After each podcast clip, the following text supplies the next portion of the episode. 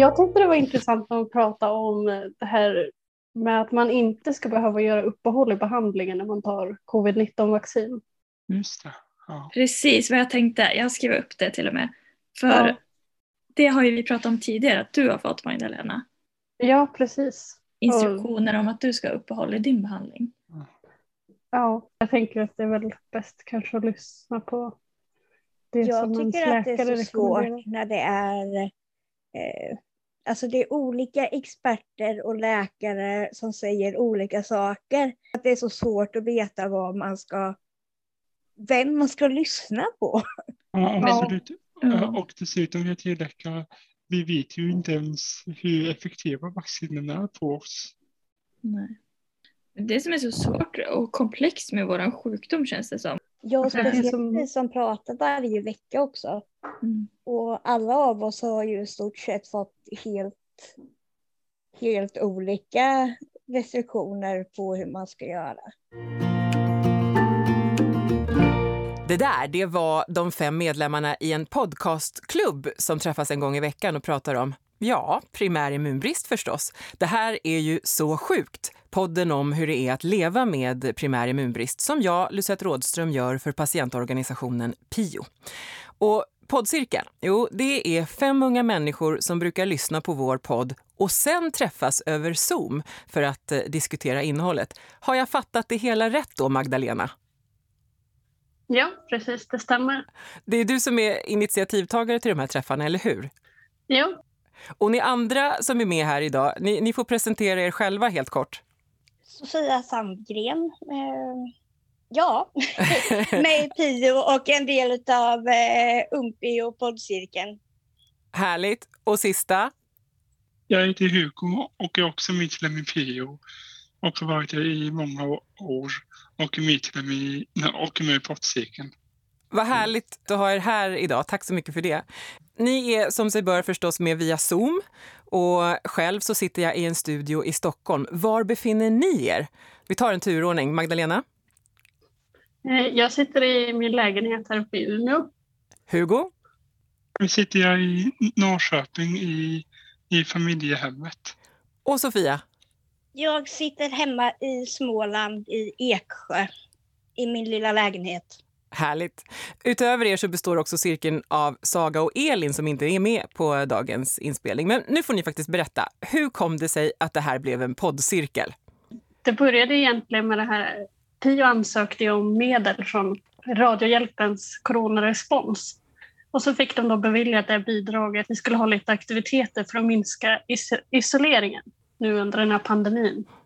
Så hade vi lite olika aktiviteter för olika målgrupper. Men det var lite svårt att veta vad man kunde göra för ungdomar. Även om jag är ung själv så tyckte jag det var svårt. Så då blev det den här poddcirkeln då.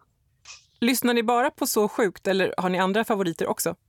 Det är bara så sjukt som, eh, som fungerar. Nej, men det, det är de poddarna som vi kör på och eh, när det kommer ett nytt avsnitt så är vi på hugget direkt. Vad roligt. Det, eh, det ni har hört i den här podden, är det något avsnitt som det har blivit extra heta diskussioner om? Någonting som ni gick igång på eller tyckte olika om? Eh, det vi gick igång på var ju det om plasmadonation. Det var väl det som egentligen blev starten till eh, hela vår umgängeskrets, så att vi träffas en gång i veckan och stöttat upp lite andra projekt och så. Så att just eh, blodplasma och donation var väl det som satte igång oss ordentligt. Det var det avsnittet med Erik, eller hur? Ja, precis. Va, berätta, vad var det som, som ni gick igång på där? Eller vad det var som, som liksom eh, triggade igång någonting? Lite att de hjälper liksom till, hur ska man uttrycka det, att de liksom är do- dolda hjältar. Just det. För det är ju, för att kunna ta mig själv som exempel, för det kan jag ändå byta på att jag tar ju själv gammaglobulin och det skulle vara omöjligt att framställa att om det inte fanns personer som ger blod. Just det. Och egentligen trycka på hur viktigt det är och vilken skillnad som alla personer som donerar blod och plasma, vad de faktiskt gör. Eh, Magdalena, vad säger du? Ja, jo, jag håller med om det. Vi tycker det är väldigt viktigt det med eh, att man donerar eh, framförallt blodplasma. Då. Och vi, det var väl lite i och med den här politiska situationen när Trump var president och så vet vi att stora delar av plasman kommer från USA. Då tänkte man väl lite så här eh, cyniskt kanske vad skulle hända om vi inte fick tillgång till den. Så då tänkte vi att vi kan försöka dra ett litet strå till stacken och sprida lite kunskap. Så det var väl det egentligen, så det gick till. Är det några andra avsnitt som har stuckit ut för er? Nej, men det har varit mycket det här med eh, skola och eh, jobb och just eh, jag har fått min diagnos så pass sent men eh, om man hade vetat när man gick i skolan hur mycket hjälp man kanske alltså kunde få av PIO och eh, vad man kan få för vägledningar och eh, för att inte förlora så mycket skolgång och få tillgång till det som man har rätt till. Jag tror inte eh, många av oss visste hur mycket hjälp vi faktiskt var berättigade till att få. Eh, så det har också startat många diskussioner om att eh, vad vi kan hjälpa för på olika sätt för att eh, man ska kunna klara av sin skolgång trots att man har väldigt mycket sjukdagar.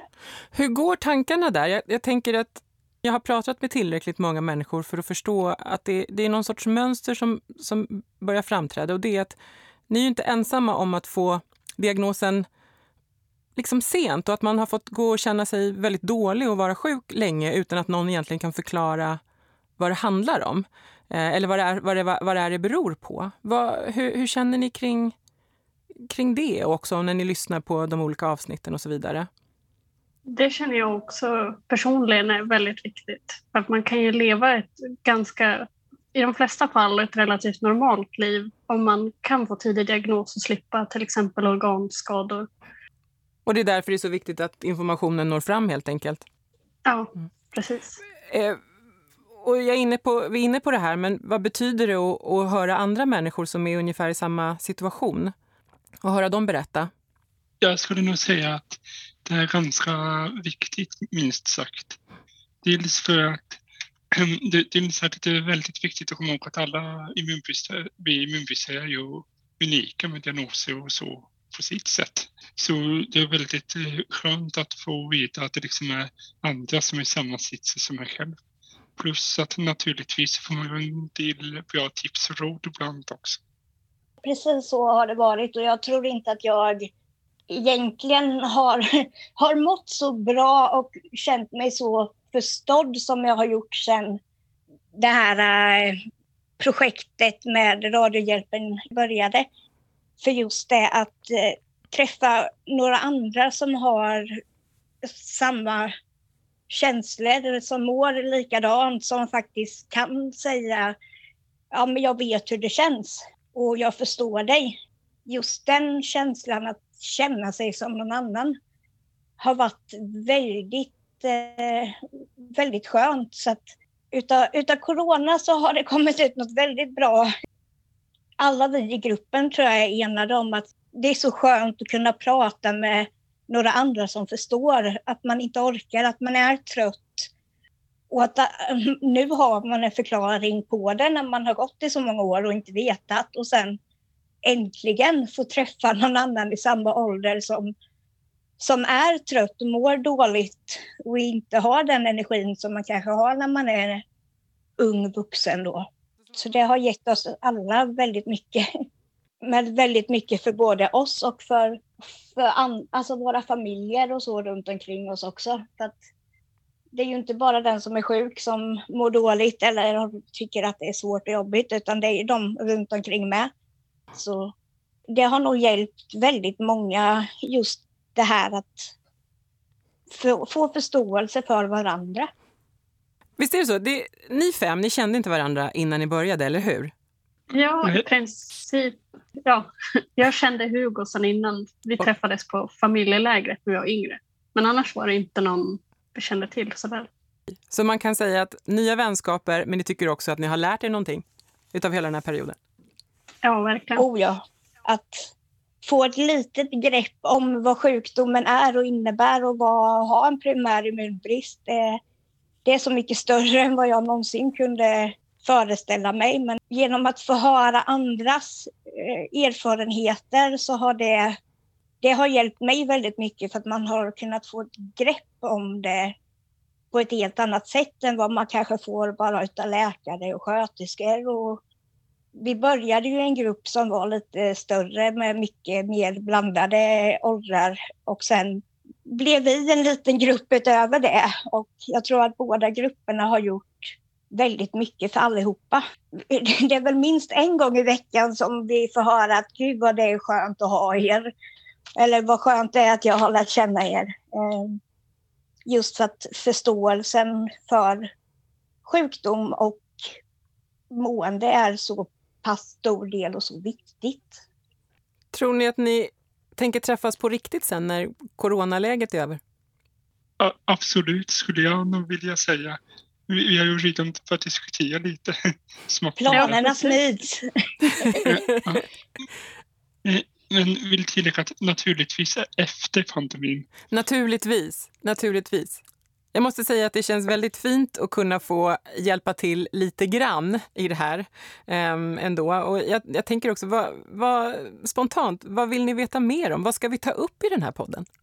Ja, alltså jag tycker det är jättekul att höra om andras berättelser. Jag personligen är väldigt intresserad av människors livsöden eller vad man nu kan kalla det. Jo, precis att höra hur andra har det, hur hur andra lever, hur man eh, dels i den, vad ska man kalla det, innersta kretsen, men sen också hur, hur det fungerar runt om. För att det är så mycket som är för att vi ska kunna må bra. Så jag återkommer till donation, blodplasma, alltså hur jag blir så intresserad av hur saker och ting fungerar och görs. Så att det är liksom, man lär sig så mycket om, om sig själv. För varje avsnitt som kommer så är det liksom, det blir en snackis. Har du hört den senaste podden? Har ni lyssnat nu? Nu har det släppts en podd till. Eh, det är alltid någonting som man liksom lär sig som man kan ta med sig.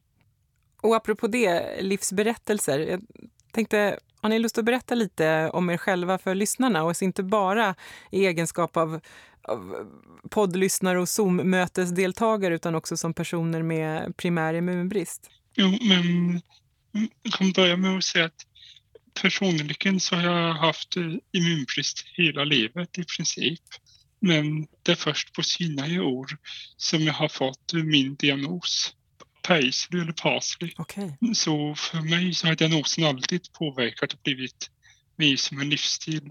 Men, desto, men precis som Sofia sa förut, att man lär sig nytt hela tiden. Och det har varit lite så för mig också att det, livskvaliteten har ju naturligtvis blivit bättre när man har fått rätt mediciner och så. Men om mig som privatperson kan jag säga att jag är ju student och går sista året på naturvetenskap nu på gymnasiet. Och kan tillägga att även om jag har immunbrist så har det fungerat väldigt bra och så, så länge jag kommer ihåg att ta medicinerna så att säga. Berätta hur det var för dig när du fick din diagnos. Hur förändrades liv, ditt liv då? Jag har som sagt haft min diagnos större jag har haft någon diagnos större delen av livet. Men jag fick den sista diagnosen, PASLY, så förändrades det på det sättet att då var det dels mycket klarare över vad jag kunde ta för mediciner och inte och så. Plus framförallt att det var en lättnad mentalt, eller hur jag ska säga. För det var förstå på riktigt som man kunde förstå exakt rent genetiskt, rent biologiskt varför man har immunbrist och så. Så det var en mycket djupare förståelse. Och medicinerna som du har fått nu, har, har du fått vara hyfsat frisk? Ja, absolut. För att när jag väl lyckas bli sjuk, om man uttrycker det så, så är jag ofta lite längre sjuk än många andra. Alltså som inte har immunbrist för att tillägga. Men, men medicinerna gör ju att jag är typ bara två, tre sjukdomsperioder om året. Så absolut. Jag är nyfiken, hur har du fixat skolan nu den här, ja, de här två terminerna har varit under corona? Då, allting är på distans eller? Mer eller mindre. Jag har varit på distans till en stor del. Men sen sista perioden och även i början så var, så var man inne på skolan en gång var tredje vecka. Och det har funkat? Ja, hyfsat. Jag får tänka på att hålla avståndet naturligtvis. Och även komma ihåg att inte snoda med... Nej, men precis. Det är något som vi alla har fått lära oss den här, den, under den här eh, perioden. Vad härligt. Ja, absolut. Tack för att du berättar, Hugo. Eh, Sofia, hur är det med dig? Ja, jag har eh, egentligen bara haft eh, min CVID-diagnos i ett par år. Innan det hade jag subklassbrist som det heter. Men jag har ju alltid varit sjuk och gnällig sedan jag var liten. Det har, eh, alltså det ena har utlöst det andra och det har alltid varit perioder med olika sjukdomar, väldigt mycket lunginflammationer och eh, de här vanliga sakerna men att man blir väldigt mycket sjukare. Så att jag började ju få behandling och medicinering bara för ett par år sedan eller fem, sex år sedan kanske det är nu.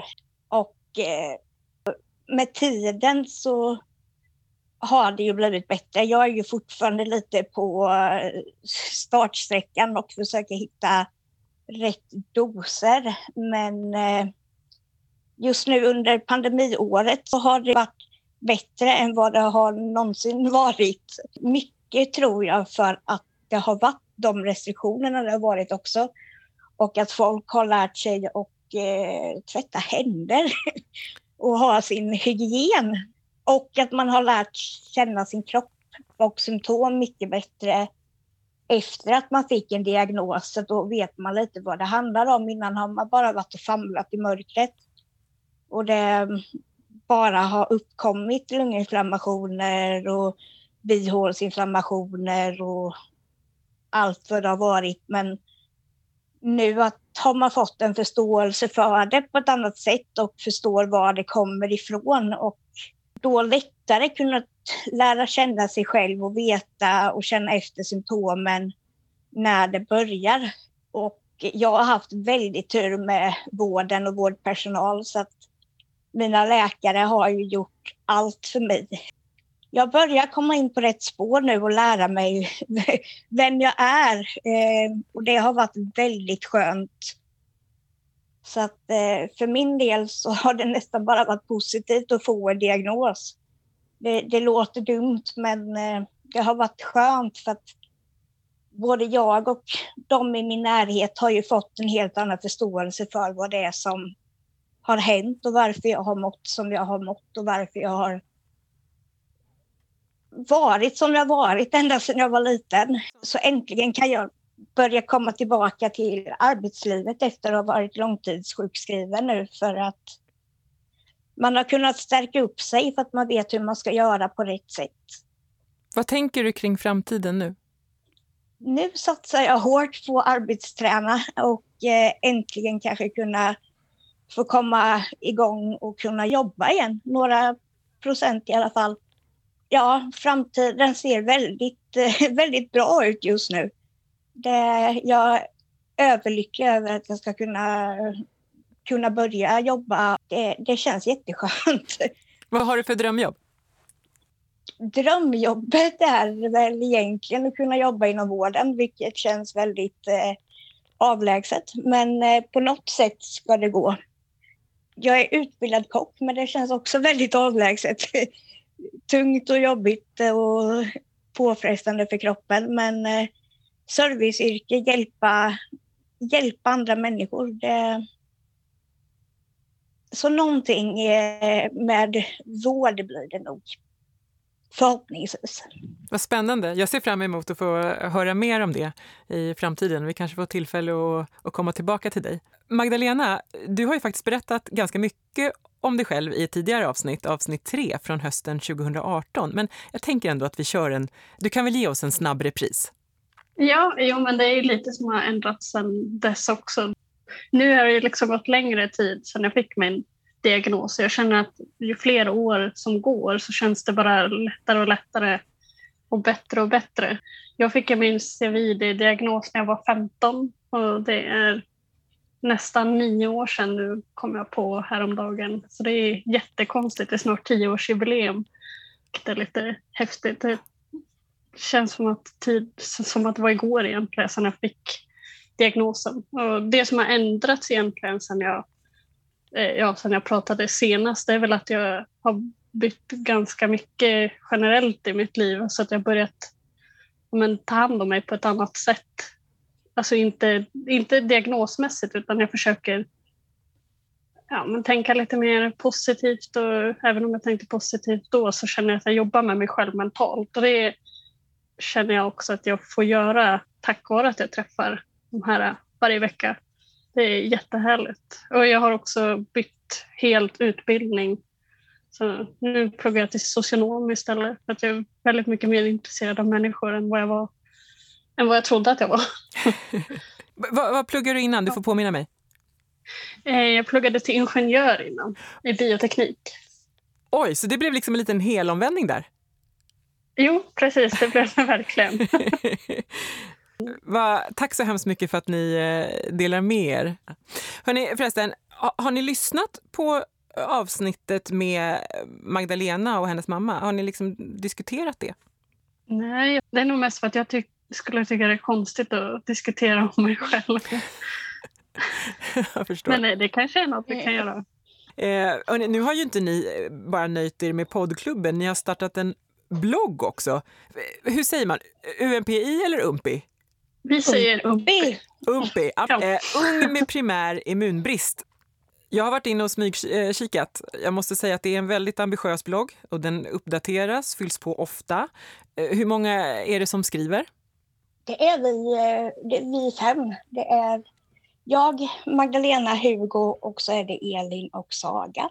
Poddcirkelns grundare, höll jag på att säga, eh, drog vi med och hörde ifall de ville vara med. Och just det här med eh, donation och blodplasma var väl grundidén, men sen, sen kom det lite vaccin och grejer i vägen. Så att eh, det blev nästan ett annat koncept.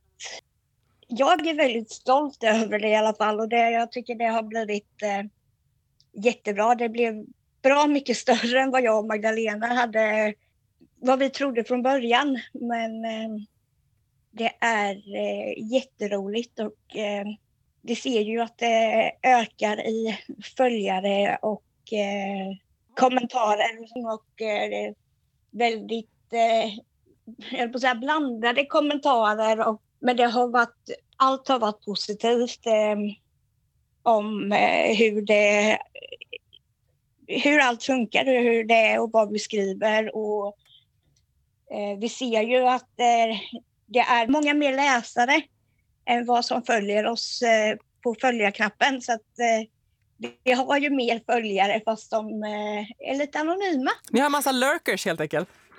Ja. Tryck på följarknappen. ja. Vi ser att flödet är där, men... men det... hörni, vad tror ni? Kommer ni att fortsätta med de här poddsamtalen och, och den här bloggen även när coronaläget lugnat ner sig? Det, det är något vi har diskuterat så mycket, men det tror jag. Absolut.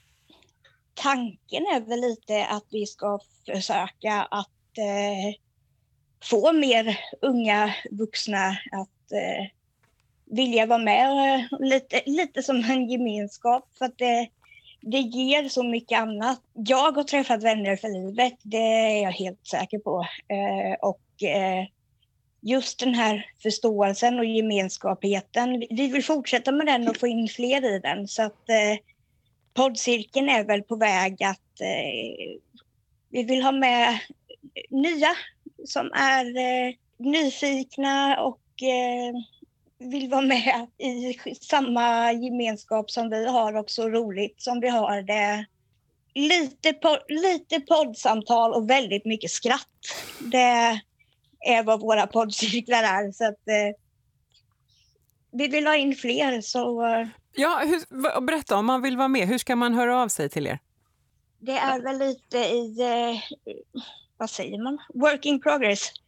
Ja. Eh, man kan ju alltid höra av sig på sociala medier. Men eh, sen kommer vi väl att eh, komma ut lite med intresseanmälningar och lite sådär. Det är, det är lite Ja. jobb som pågår där i bakgrunden. Ja, men jag förstår det. Men hur som helst, Umpi kan man ju alltid kolla in, kolla in och, och, och ta det därifrån. Ja. Ja. Jag hoppas att ni snart i varje fall får en lång och skön sommar. Men också att ni då tar er lite tid att blogga och kanske till och med mötas. Om vi har tur. Eh, stort tack Sofia, Hugo och Magdalena för att vi fick prata med er idag. Tack för att ni delar med er av era berättelser och för att ni faktiskt har gjort någonting mer av Så sjukt. Ja, tack för att vi fick vara med och får möjligheten att Ja, och tack för, sprida en, Umpi också. ja, och tack för en jättebra podd. Den är Ja, verkligen värd att lyssna på. Vad roligt, vad roligt. Tack så ett mycket. väldigt bra sätt att lära sig nytt om, om sig själv. Så det, Absolut. podden har gett väldigt mycket. Så det Det är ett väldigt fint betyg. tackar Tack vi så mycket. innerligt för. Tack själv. Sen Hörrni, får vi diskutera oss själva veckan efter. ja, men det är inte så dumt. Och jag hoppas, jag ser fram emot, jag hoppas verkligen att få träffa er igen. Tack Detsamma. Tack så hemskt mycket. Ja, bra. Glad sommar! detsamma. Detsamma. Detsamma. Hej då! Hej. Då är det som vanligt dags för Så sjukts husdoktor Anders Fast att svara på en lyssnarfråga. Anders svarar och förklarar. Min dotter har total IGA-brist och är förkyld större delen av tiden mellan oktober till februari-mars varje år. Man ser att orken är sämre, snorig, ont i öron och bihålor och till och från huvudvärk, mörka, glansiga ögon, feber till och från. Hon får inte samma symptom som andra och heller inte stigande labbvärden. Kan man verkligen inte göra något för att hon ska må bättre den tiden på året också? Där vi bor är det ingen som vägleder en eller tar ansvar för att försöka få henne att må bättre. Till dig som eh, frågar skulle jag säga att eh, det som din dotter upplever är väldigt typiskt för de som får ökat antal infektioner vid en total IGA-brist.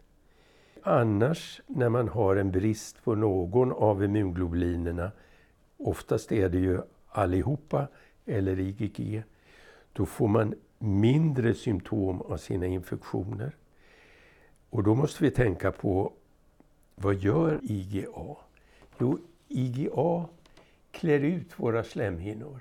Det klär ut våra slemhinnor så att det fungerar för er som kan tänka er detta som ett gammaldags eh, flugpapper som man hängde upp i huset och det var klister på det hela. Så fastnade flugorna på det hela. Och det är samma sak med IgA.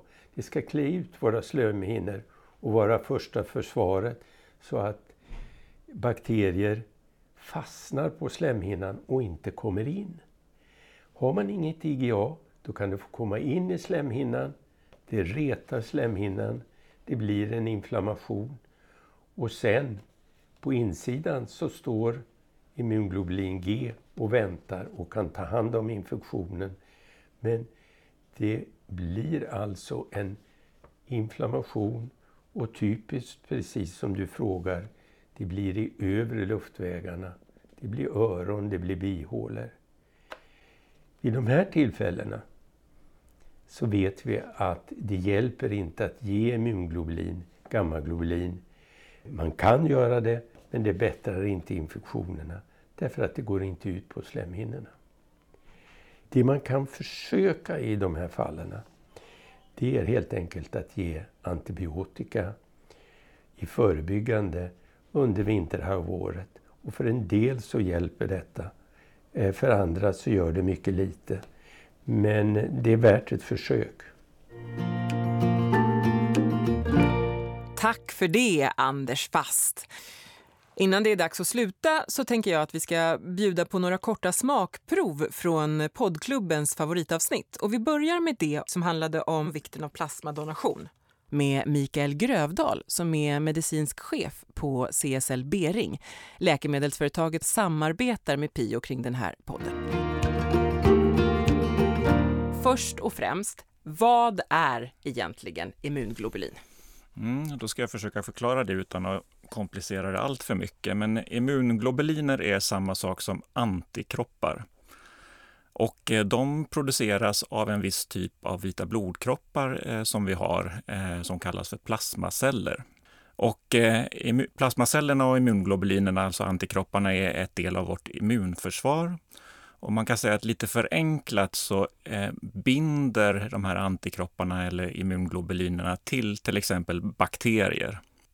Det som är fiffigt med det är att, att när bakterierna har immunglobuliner på sin yta så känns de lättare igen av andra eh, celler som är inblandade, andra typer av vita blodkroppar som tillhör vårt immunförsvar. Så att de dras mot den här bakterien och eh, eh, den här bakterien blir också liksom, man kan säga, lite godare för de cellerna så att de får lättare att äta upp den här bakterien. Då. Så det blir liksom, det låter som ett väldigt smart system. Det är det. Det är ungefär som att man sätter på små fyrbåkar på de här bakterierna så att alla de som ska hjälpa till i kroppen och ta bort bakterierna ser dem mycket enklare. Exakt. Och käkar upp dem. Det är en, en, en, markering att, att här finns någonting som ska bort. Så immunglobuliner är väldigt eh, eh, viktiga för att vårt immunförsvar ska fungera liksom fullgott. Eh, och har man inte immunglobuliner så har man nedsatt eh, immunförsvar och, eh, och ökad risk för för vissa typer av infektioner och framförallt bakteriella infektioner men andra infektioner också. Mm. Och utan att gå in på specifika produktnamn, hur går det till när man tillverkar de här preparaten? Immunglobuliner eh, som det är idag, eh, precis som eh, flera andra läkemedel produceras från plasma från människor. Så för att man ska kunna tillverka immunglobuliner så krävs det att eh, eh, olika friska människor eh, donerar plasma. Och det finns eh, strikta regler och processer för hur det här eh, ska gå till. Då, för att man vill ju till exempel testa de som lämnar plasman så att inte de bär på smittsamma sjukdomar. Till exempel vissa virus eh, testar man för en hel rad olika eh, virus. Sen för säkerhets skull när man då har eh, lämnat plasma så, så, sätter man den plasman i, i karantän, eh, som eh, många vet vad det betyder nu för mm. tiden. Så att eh, första gången någon lämnar så sätter man plasman i karantän och sen så får man inte använda den plasman förrän den här personen har lämnat plasma en gång till. Och det där var alltså från avsnitt 13 om du vill höra hela. Avsnitt 14 handlade om vilket stöd man har rätt till när man går i skolan. Nu är det ju ganska länge sedan som Alvin började skolan, men vad minns du om den tiden? Han hade ganska nyligen fått sin primära immunbrist konstaterad då. Ja, han fick den konstaterad när han var fem och ett halvt. Så det var ju som i januari och skol, så skulle han börja förskoleklass i augusti. Just det. Han hade egentligen varit sjuk sen han var, ja, sen jag slutade damma honom. Eh, på olika sätt. Mycket infektioner och lunginflammationer och öroninflammationer och sådär.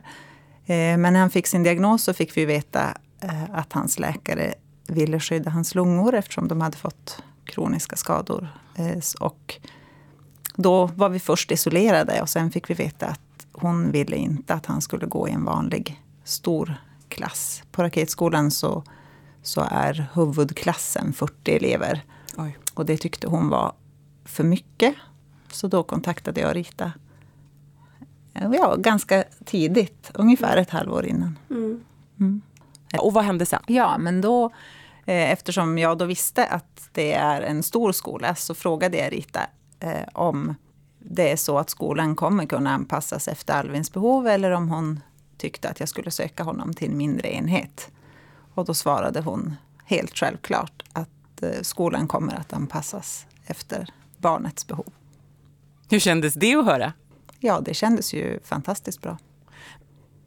Vad, vad var det för anpassningar som, som ni pratade om då, eller som skulle göras? Framför allt så höll ju skolan på att byggas om precis då. Visst var det så? Nej, skolan Nej. var nybyggd. Så var det. Mm. Men jag minns när Linda kontaktade mig och jag minns hur Alltså, det lät som att du tänkte att det här är omöjligt, mm. att det måste bli nästa skola, alltså närmaste skola från våran skola då, den är mindre. Och, och, men du känn, alltså jag vill minnas att du tyckte att jo, men det hade varit så bra om, om Alvin hade kunnat gå på närmaste skolan, på sin egen skola. Och eh, eh jag tror att jag fick också material om vilka anpassningar som krävs. Du hade fått av läkaren och jag fick till mig dem. Och så försökte jag tänka, alltså jag tänker så här att alla barn oavsett behov har rätt till utbildning och det ska vi försöka ordna. Och då började jag tänka att hur ser våran skola ut? Då jobbade jag som rektor på lågstadiet och eh, den delen av skolan har egna ingångar för varje klass. Mm. Och då tänkte jag att men han behöver inte komma till storskolan. Han kan, han kan faktiskt, alltså jag ser inga hinder för, för lågstadietiden. Sen såg jag också att eh, Alvin behövde vara i en mindre grupp.